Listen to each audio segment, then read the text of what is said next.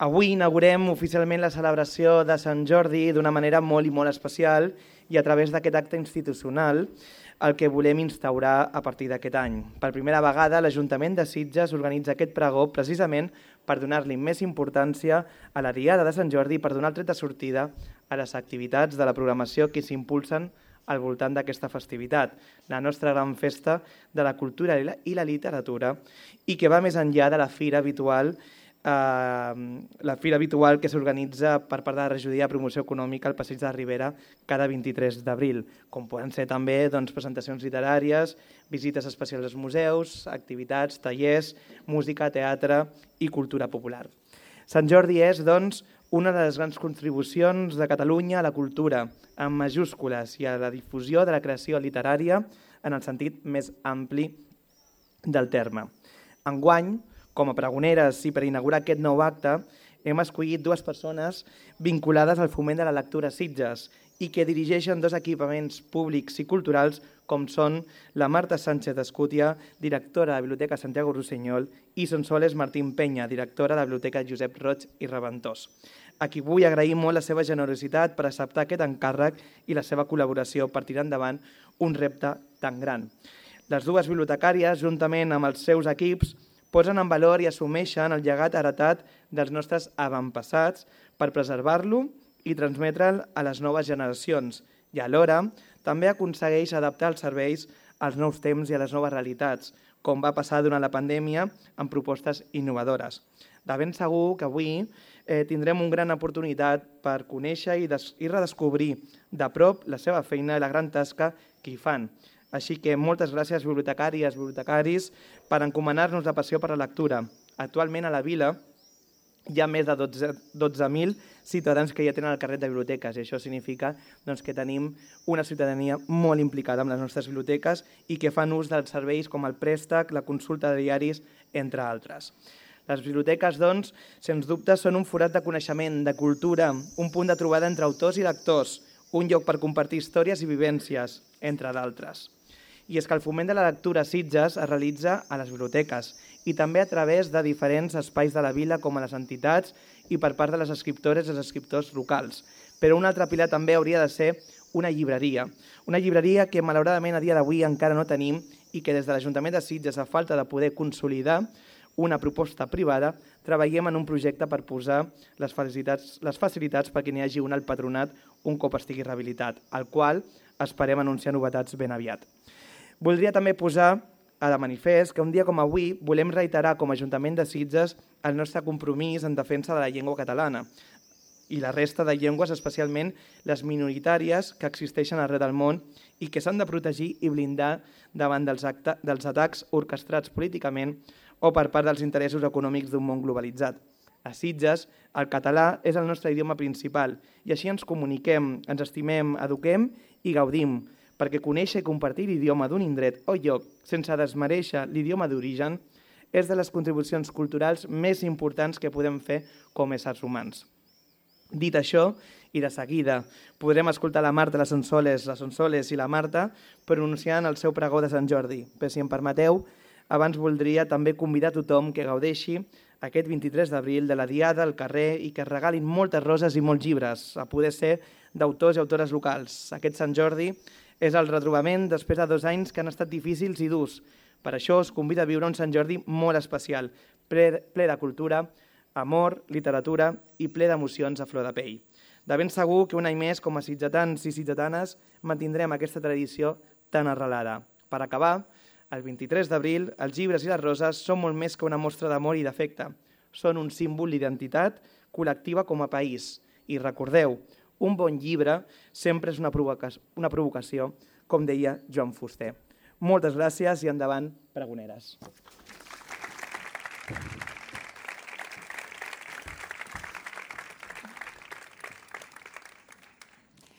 Bona tarda, moltes gràcies per estar aquí amb nosaltres. Quin goig fa veure tanta gent, Marta? Doncs sí, bona tarda i amb el temps que, bueno, no direm res, va aguantant, no? Bona tarda i moltes gràcies, moltes gràcies per acompanyar-nos i venir a escoltar aquest primer pregó de Sant Jordi. Moltes gràcies al govern municipal per la confiança en nosaltres i per haver pensat en les biblioteques de Sitges per estrenar aquest nou acte previ a la Diada de Sant Jordi, que l'enriqueix i és un primer punt de sortida del que esdevendrà a Sitges d'aquí fins al 23 d'abril i uns dies més enllà.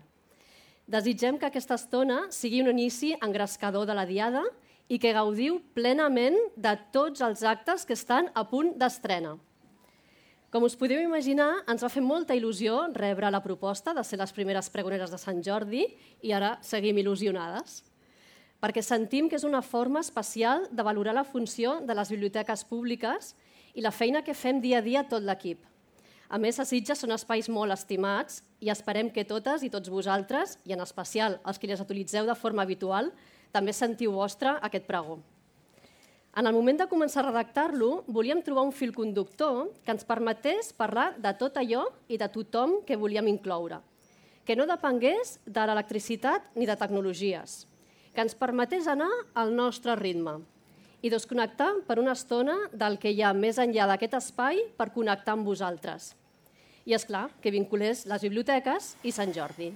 Doncs sí, ja us ho podeu imaginar que aquest fil conductor ha de ser un llibre. Abans d'obrir-lo, tenim la coberta, la part que ens pot fer decidir si seguim o no. En aquesta coberta, que cadascú de vosaltres hi posi una imatge inspiradora del seu Sant Jordi particular. Potser algú es trasllada dies abans, quan es comença a respirar l'ambient d'una jornada especial, i els diaris i telenotícies parlen de llibres més de l'habitual. Per d'altres, la imatge serà el moment del triomf d'arribar a primera fila de la parada i trobar el llibre que volia, o deixar-se seduir pel disseny de la coberta o el resum de la contracoberta. O també l'emoció d'estar al davant de l'autor i de l'autora i tenir un instant de complicitat quan ens signa el nostre exemplar fent-lo únic. I tants d'altres, cadascú el seu. Rebre la rosa, triar la més bonica, passejar, ballar sardanes, escoltar poemes, augmentar la col·lecció de punts de llibre, ser solidaris, comprar el primer conte, al petit de casa. I podem posar tantes imatges Sant Jordi és aquells dies en què la sensació és que tothom està content. Sí? L'heu pensat, la vostra imatge? Doncs no la deixeu anar, que obrim el llibre i seguim. Estem a la portada, la porta dels llibres, on hi trobem el títol. Avui tots el tenim clar. Primer pregó de Sant Jordi. Les autores, la Sonsoles i la Marta, li posem la cara i la veu, però com a biblioteques de Sitges també hi són Gerard Arbués, Marfalina Argilés, Pepa Cordero, Cleo Hernández, Teresa Ibáñez, Encarna Lucas, Bàrbara Panyella, Francesc Parra, Susana Reyes i Anna Sagasta. Gran equip.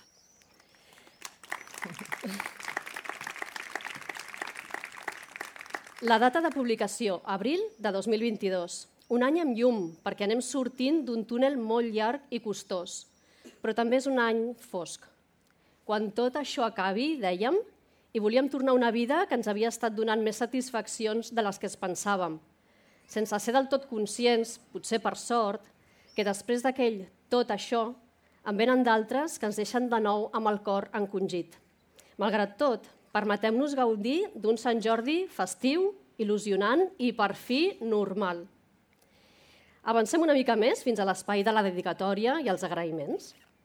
Gràcies a tot l'equip de la Regidoria de Cultura, encapçalat per Xavier Salmerón, que sempre recolza els projectes de les biblioteques i ens fa partíceps de la vida cultural de Sitges. És un gust treballar amb vosaltres, amb tu. A la Carla Jordà, el nostre contacte més directe quan tenim qualsevol dubte, problema o gestió, i amb la resta de companys de la regidoria ens facilita el funcionament del dia a dia. Gràcies a la xarxa de biblioteques municipals, la Diputació de Barcelona i en representació la Judit Terme, cap de l'Oficina de Serveis. Formar part d'una xarxa referent del país i de fora de Catalunya és una bona part de la potència de les biblioteques. Com dèiem abans, ara les biblioteques de Sitges tenen un equip al capdavant, però som hereves de les anteriors directores i companyes i companys que hi han treballat al llarg de la seva història. La primera biblioteca pública de l'any 1886 a les dependències d'aquell moment de l'Ajuntament, la Biblioteca Santiago Rossinyol a partir de 1936 a la casa actual i la Josep Roig i Reventós des de 1983 a la plaça Catalunya al barri del Poble Sec. Totes aquestes persones que han format part de les biblioteques de Sitges hi han deixat la seva petjada, la seva estima per l'ofici, el seu record en tant sitgetans i sitgetanes.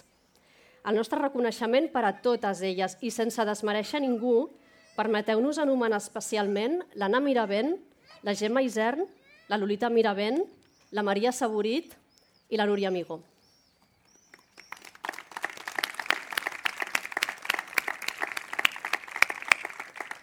Gràcies, moltes, als usuaris i usuàries, amics i amigues de les biblioteques de Sitges. I una dedicatòria, sense fer esment a la família i amistats més properes, no és una dedicatòria. Per tant, amb molt de carinyo, en aquest, en aquest moment especial per nosaltres, també agraïm molt el vostre recolzament sempre. I com que veiem que sí, que aquest llibre té lectors i lectores, entrem en matèria amb cinc capítols. Capítol 1 les biblioteques són un pop.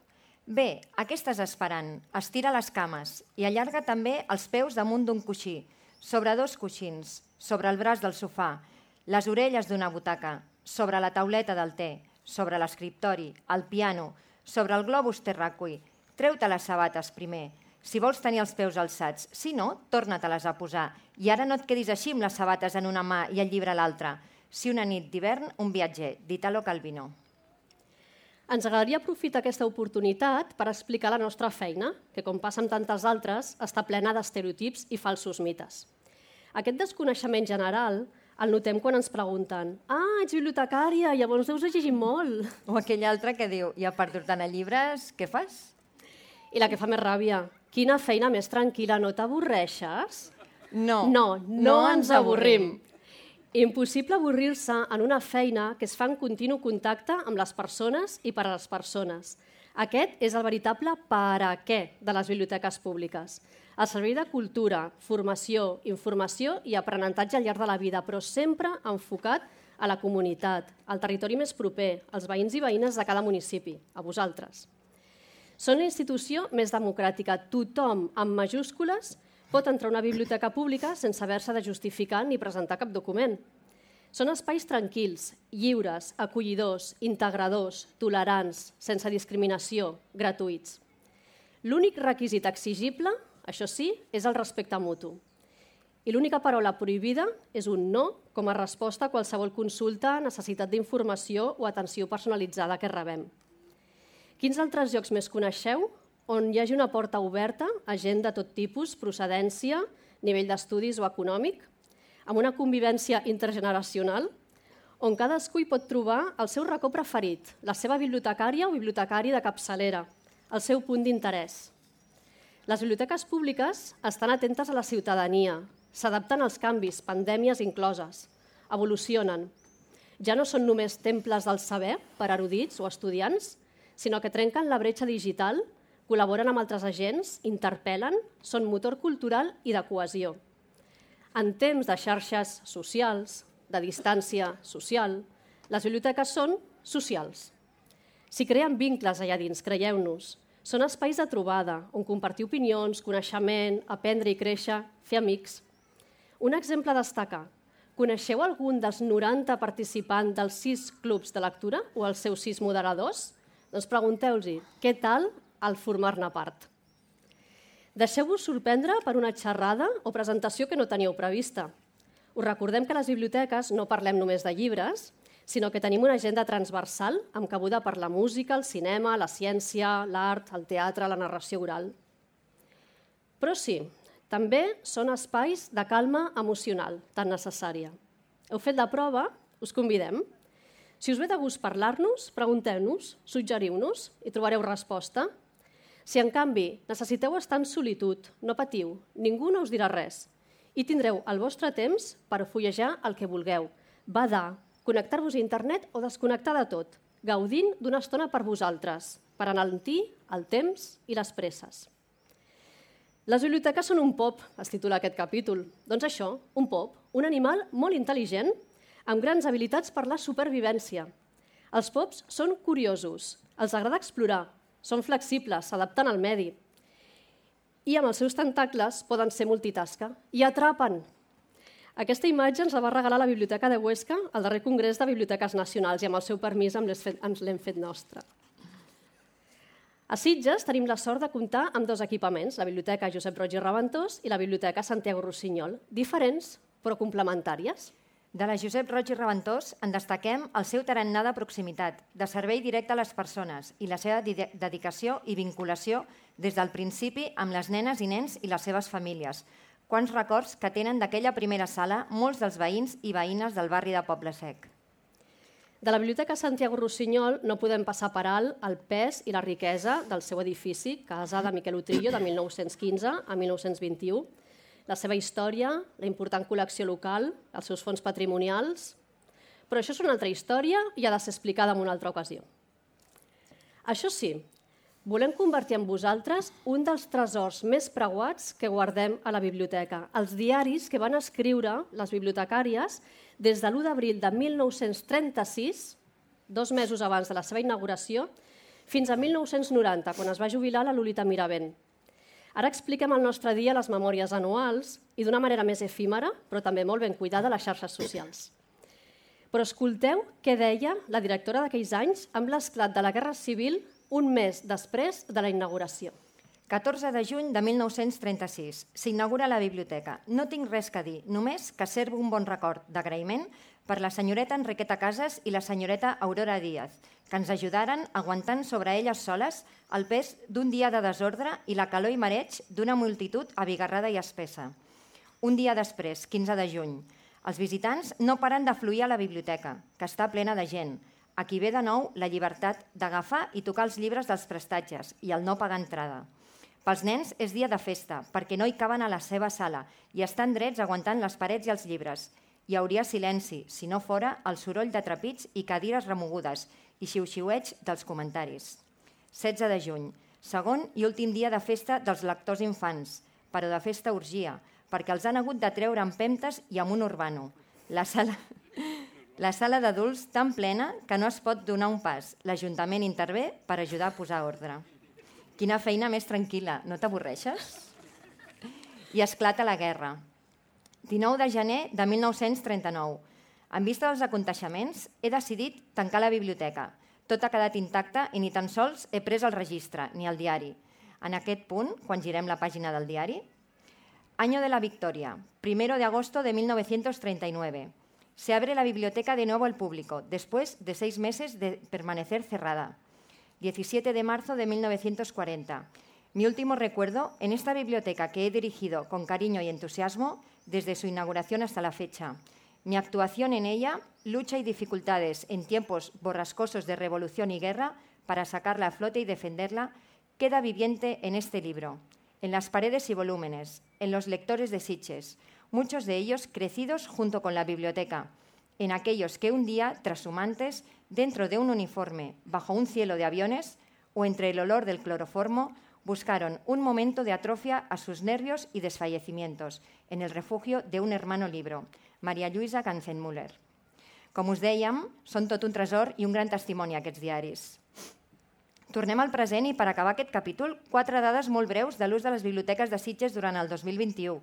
Tot i la pandèmia, les limitacions d'aforament, les restriccions d'horaris, hem rebut 58.413 visitants, gairebé el doble de la població total.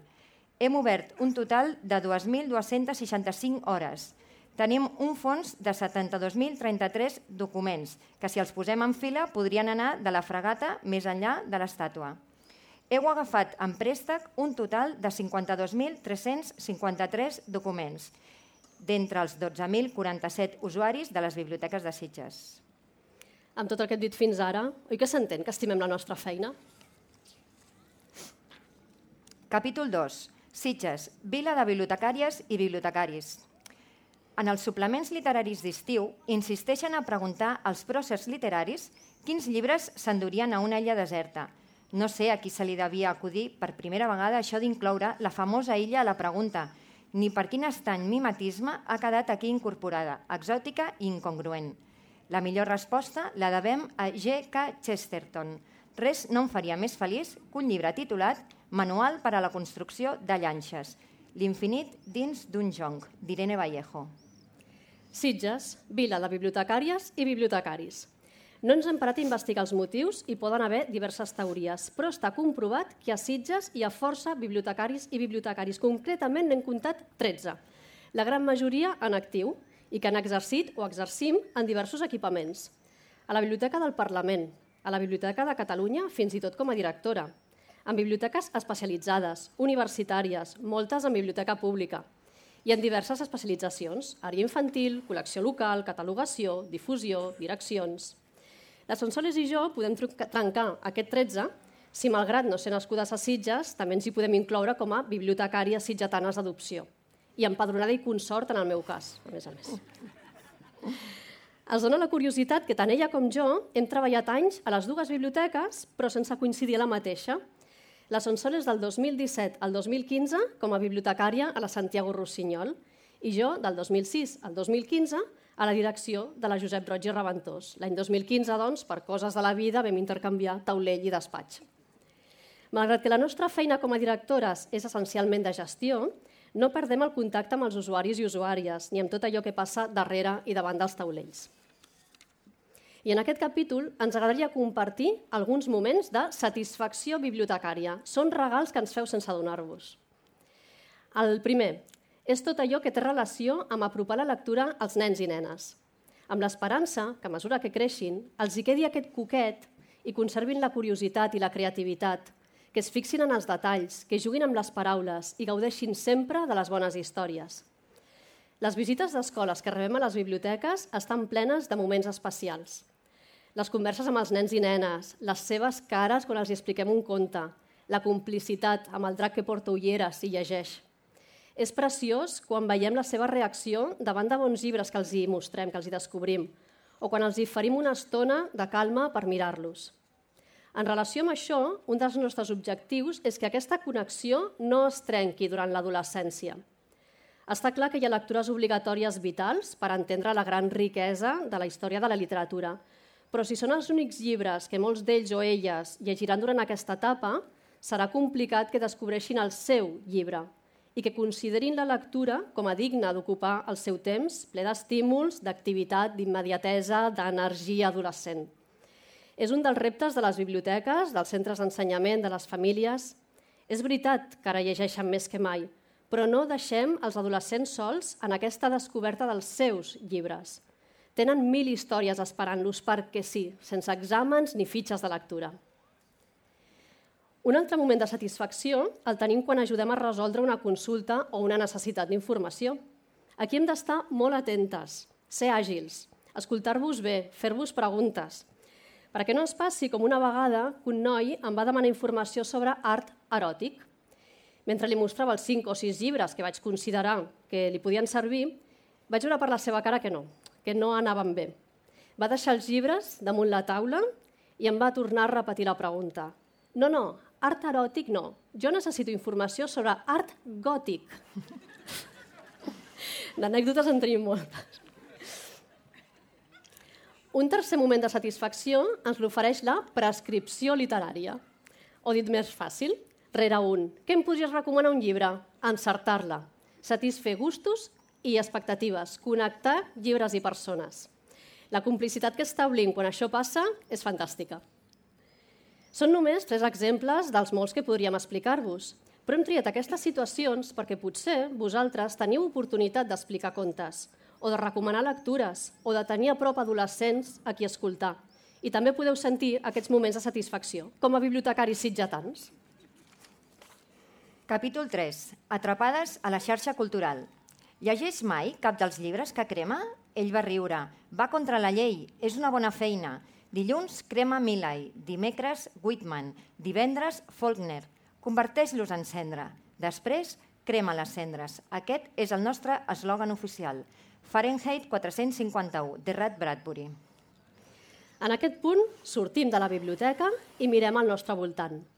Òbviament, Sitges té una riquíssima vida cultural, més que consolidada al llarg dels anys i que creix amb nous projectes. En la faceta que ens toca de més a prop, la lectura i la literatura, la Diada de Sant Jordi és la festa més universal, però durant la resta de l'any l'activitat no s'atura. És evident que les biblioteques no estem soles sinó que formem part d'una xarxa en la que cada element és important. Fem un repàs a alguns dels nusos d'aquesta xarxa. Vila del Llibre, de la que s'han fet dues edicions a Sitges, que plega les parades d'editorials i una programació d'actes al voltant de les lletres estretament vinculada a la història de Sitges. La Festa de la Poesia, que aquest juliol arriba a la quinzena edició, dirigida per Cèlia Sánchez Mústic i Joan Duran, és un homenatge a set poetes convidats. Un homenatge amb un munt d'adjectius. Genuí, personalitzat, participatiu, lúdic, íntim, festiu, entranyable, merescut, generós. El cicle literari de primavera, iniciat el 2021, per a promoure la lectura mitjançant la presentació de llibres d'autors i autores referents en l'àmbit de la cultura, la llengua i la política catalana. Està organitzat per Òmnium Garraf i la Regidoria de Cultura. Malvasia de Lletres, col·lectiu d'autors locals sempre actius, donant-se donant suport entre ells, buscant recursos, espais i altaveus per donar a conèixer les seves obres i mantenir ben viu el caliu. Clubs de lectura, a més dels que funcionen a les biblioteques, el del col·lectiu Colors Sitges Link, el Club Santiago Rossinyol dels Museus, el Club Lluna Negra, sobre novel·la negra, que s'incorpora a la programació de les biblioteques i serà el setè club en oferta. Els mitjans de comunicació locals, perquè fan ressò dels esdeveniments literaris de la vila, com ara Ràdio Maricel, on fa més de 15 anys que les biblioteques hi tenim un espai quinzenal. Les entitats que creuen amb força en el poder de les paraules i les lletres, com ara el Prado, el Retiro, el Centre d'Interpretació de la Malvasia o el Grup d'Estudis Sitgetans els quioscos, que han assumit amb esforç i ganes la funció de vendre llibres a Sitges, a part de la premsa i del material de papereria. Han adaptat l'espai de les seves botigues, han fet créixer la secció de llibres, n'hi ha que s'han especialitzat, han cuidat el servei proper del petit comerç. Moltes gràcies i felicitats perquè sou grans protagonistes de la Diada de Sant Jordi. Gaudiu-la molt i veneu molt. De totes, de totes maneres, una cosa no treu l'altra, tant de bo el pregoner o pregonera de l'any vinent pugui donar la benvinguda de nou a una llibreria a Sitges, agrair-li també la feina feta i destacar una programació cultural que enriqueixi la que ja es fa. Tant de bo aviat puguem comptar amb una còmplice necessària més en aquesta xarxa.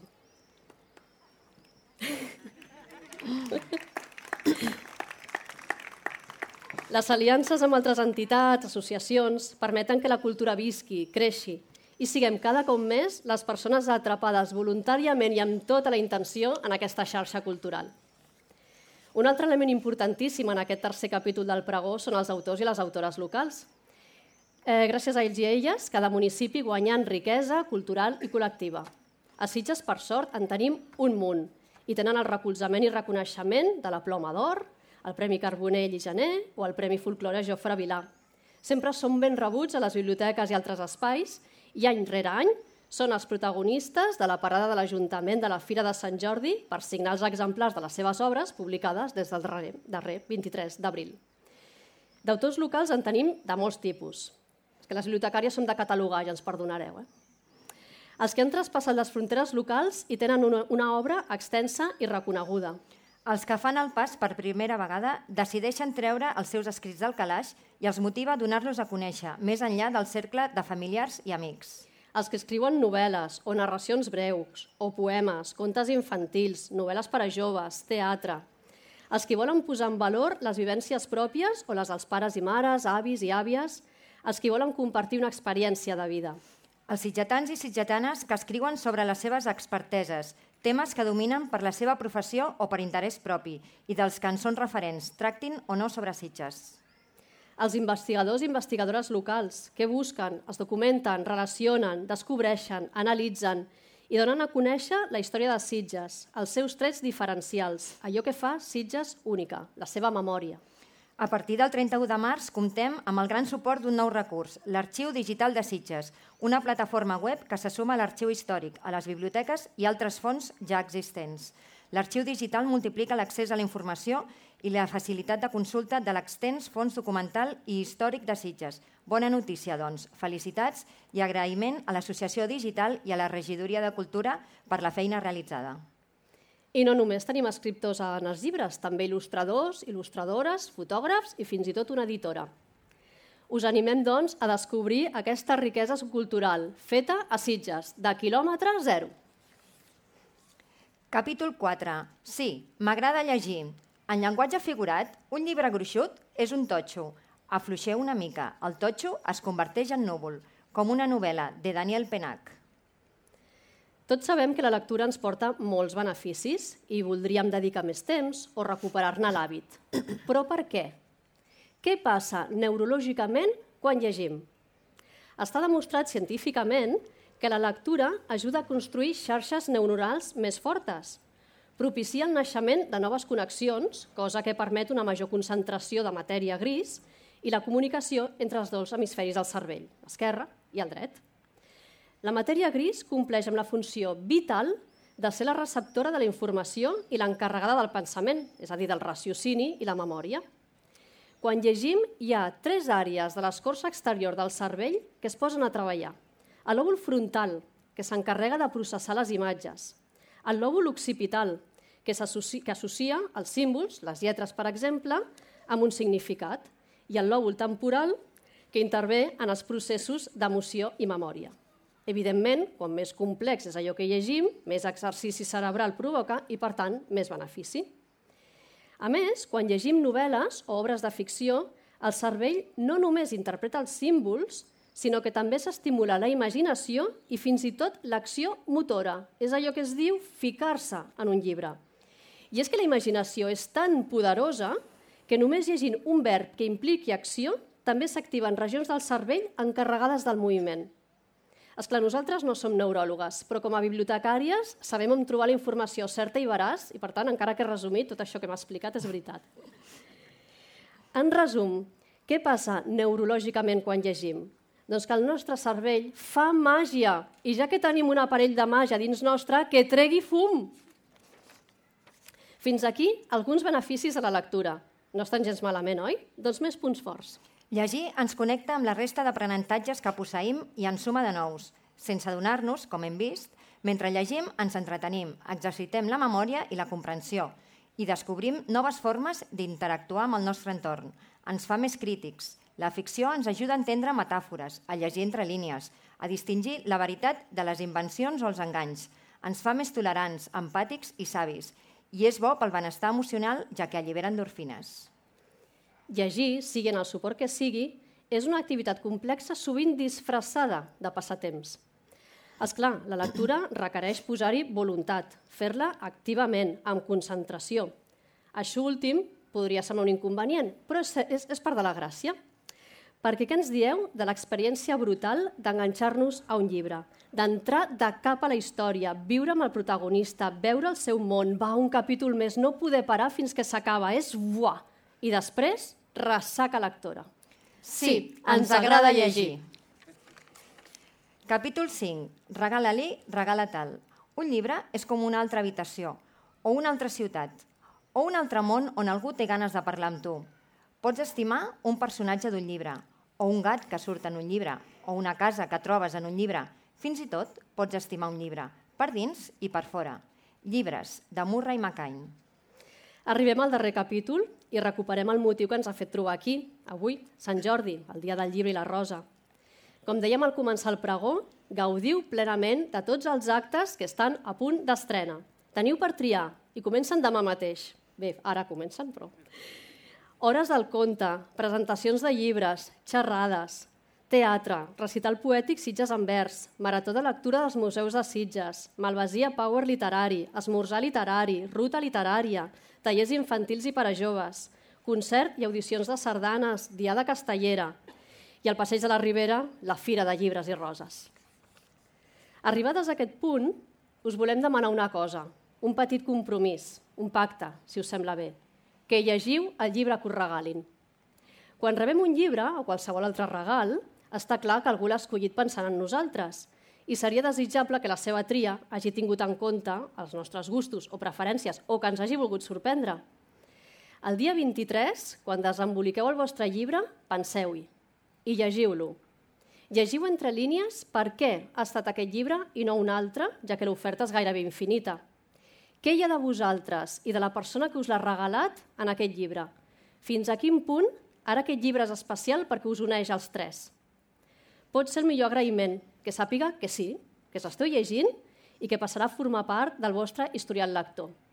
I sí, també hi ha el gran invent dels autorregals. Us donarem un consell per ajudar-vos en la tria si teniu dubtes encara entre tanta oferta. Agafeu el llibre que a primera vista us cridi l'atenció, toqueu-lo i aneu directes a la pàgina 99 per comprovar si passa el test de la pàgina 99. va ser una idea del novel·lista i editor anglès Ford Maddox Ford per fer una primera aproximació a un llibre en garantia d'èxit final.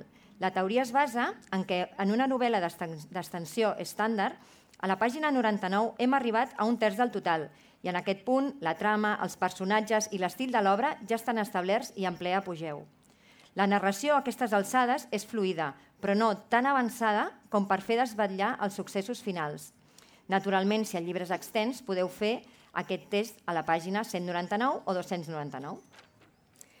Si a mesura que llegiu el llibre us agrada, feu una foto i etiqueteu-la a les xarxes. Hi ha molts hashtags. M'agrada llegir, llegir mola, llegir sexy. Porteu-lo al tren, a la platja, a les sales d'espera, a l'estona del cafè, en format paper o dispositiu electrònic. Donem visibilitat al fet lector. Fem-ne apologia. En tot cas, que Sant Jordi sigui el punt de sortida en la nostra relació amb un llibre, no el punt i final cap a una prestatgeria.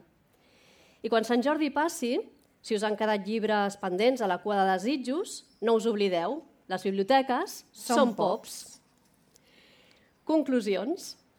Aquest pregó ha girat al voltant d'allò que uneix la Diada de Sant Jordi amb les biblioteques, la lectura i els llibres. Hem volgut recordar que tothom pot treure un profit de les biblioteques, també compartir allò que més ens apassiona de la nostra feina, del nostre ofici. Repassar l'activitat sitgetana al voltant de literatura. Reflexionar sobre què aporta la lectura en aquest món que ens sorprèn i ens sacseja. I animar-vos a viure un Sant Jordi intens, normal i únic al mateix temps. Abans d'acabar i tancar aquest llibre que hem llegit i hem escoltat junts, us volem regalar un petit gran conte – és de l'escriptor italià Gianni Rodari, que tenia una imaginació desbordant i va crear tot un món propi obert a tothom. 60 anys després de la seva publicació, Contes per telèfon i la resta de la seva obra segueixen sent un referent de la literatura infantil per a totes les edats. Aquest conte parla de coses importants, encara que aparentment siguin senzilles, i que les coses realment útils i boniques no es fan soles. Tot està relacionat. I diu així. Què ens cal? Per fer una taula ens cal la fusta. Per fer la fusta ens cal un arbre. Per fer un arbre ens cal la llavor. Per fer la llavor ens cal un fruit. Per fer un fruit ens cal la flor. Per fer una taula ens calen flors. Per ser més feliços també ens calen llibres. Moltes gràcies per la vostra complicitat i feliç, feliç Sant, Sant Jordi. Jordi.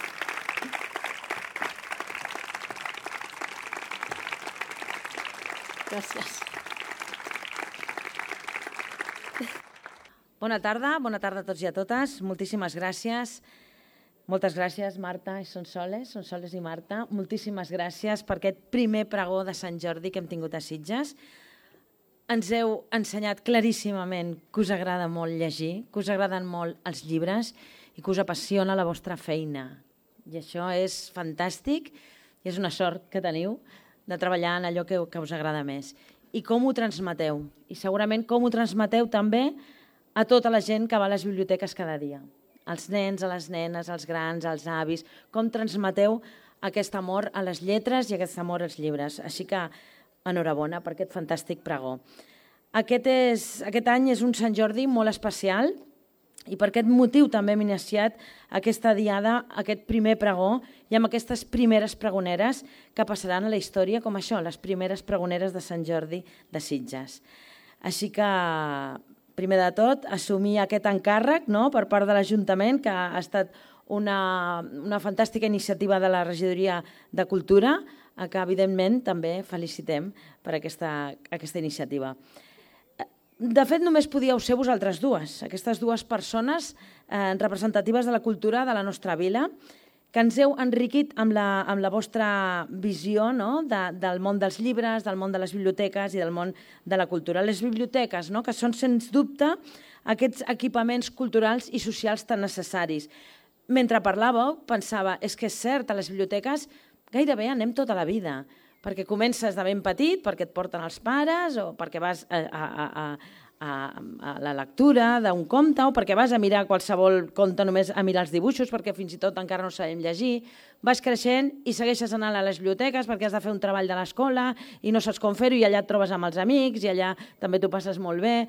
Vas creixent i com a adult doncs, eh, segueixes estudiant i has, has de consultar llibres a la biblioteca, però també alhora vas creixent, vas tenint fills, portes els teus fills a les biblioteques perquè saps com tu has gaudit i vas creixent i continues anant a la biblioteca perquè fas recerca o perquè segueixes estudiant i perquè necessites aïllar-te moltes vegades i és el millor lloc per llegir tranquil·la i per estudiar i et vas fent gran i segueixes anant i així durant tota la teva vida vas passant per la biblioteca. No? I això és que és cert, no? I, i, i, és, i és tan maco també transmetre això, que les biblioteques formen part de la nostra, de la nostra vida. Per tant, evidentment, eh, vosaltres sou la representació no, fantàstica de la cultura i de la lectura a Sitges en aquests moments.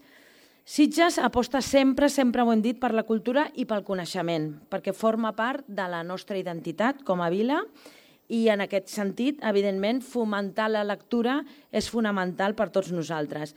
I per tant, amb aquest acte, com avui, i també durant tota la diada de Sant Jordi, constatem i constatarem que la defensa de la nostra llengua, de la nostra cultura, de la nostra literatura i de la nostra història l'hem de reivindicar. Reivindiquem, doncs, la diada que ens projecta arreu del món com a símbol també de catalanitat. Així que, com, tal com ha dit el regidor de Cultura i com han dit també les pregoneres, convidar-vos a tots en aquest Sant Jordi a sortir tots al carrer, a sortir amb ganes, amb ganes de comprar roses, amb ganes de comprar llibres, amb ganes de llegir, amb ganes de llegir i amb ganes d'estimar-nos, perquè és això, Sant Jordi, llegir i estimar. Dues paraules fantàstiques i meravelloses que ens envolten en aquesta diada. En aquest Sant Jordi que esperem que el temps ens acompanyi, per fi recuperem ja, després de tota la pandèmia i tot el que ens ha passat, la normalitat. Per tant, esperem omplir, això sí, el passeig amb totes les parades i que es venguin força llibres i força roses. Així que jo només us voldria animar, animar a tots a continuar anant a les biblioteques, a continuar seguir gaudint d'aquest Sant Jordi, seguir llegint i seguir estimant-nos. Així que moltíssimes gràcies a tots i a totes.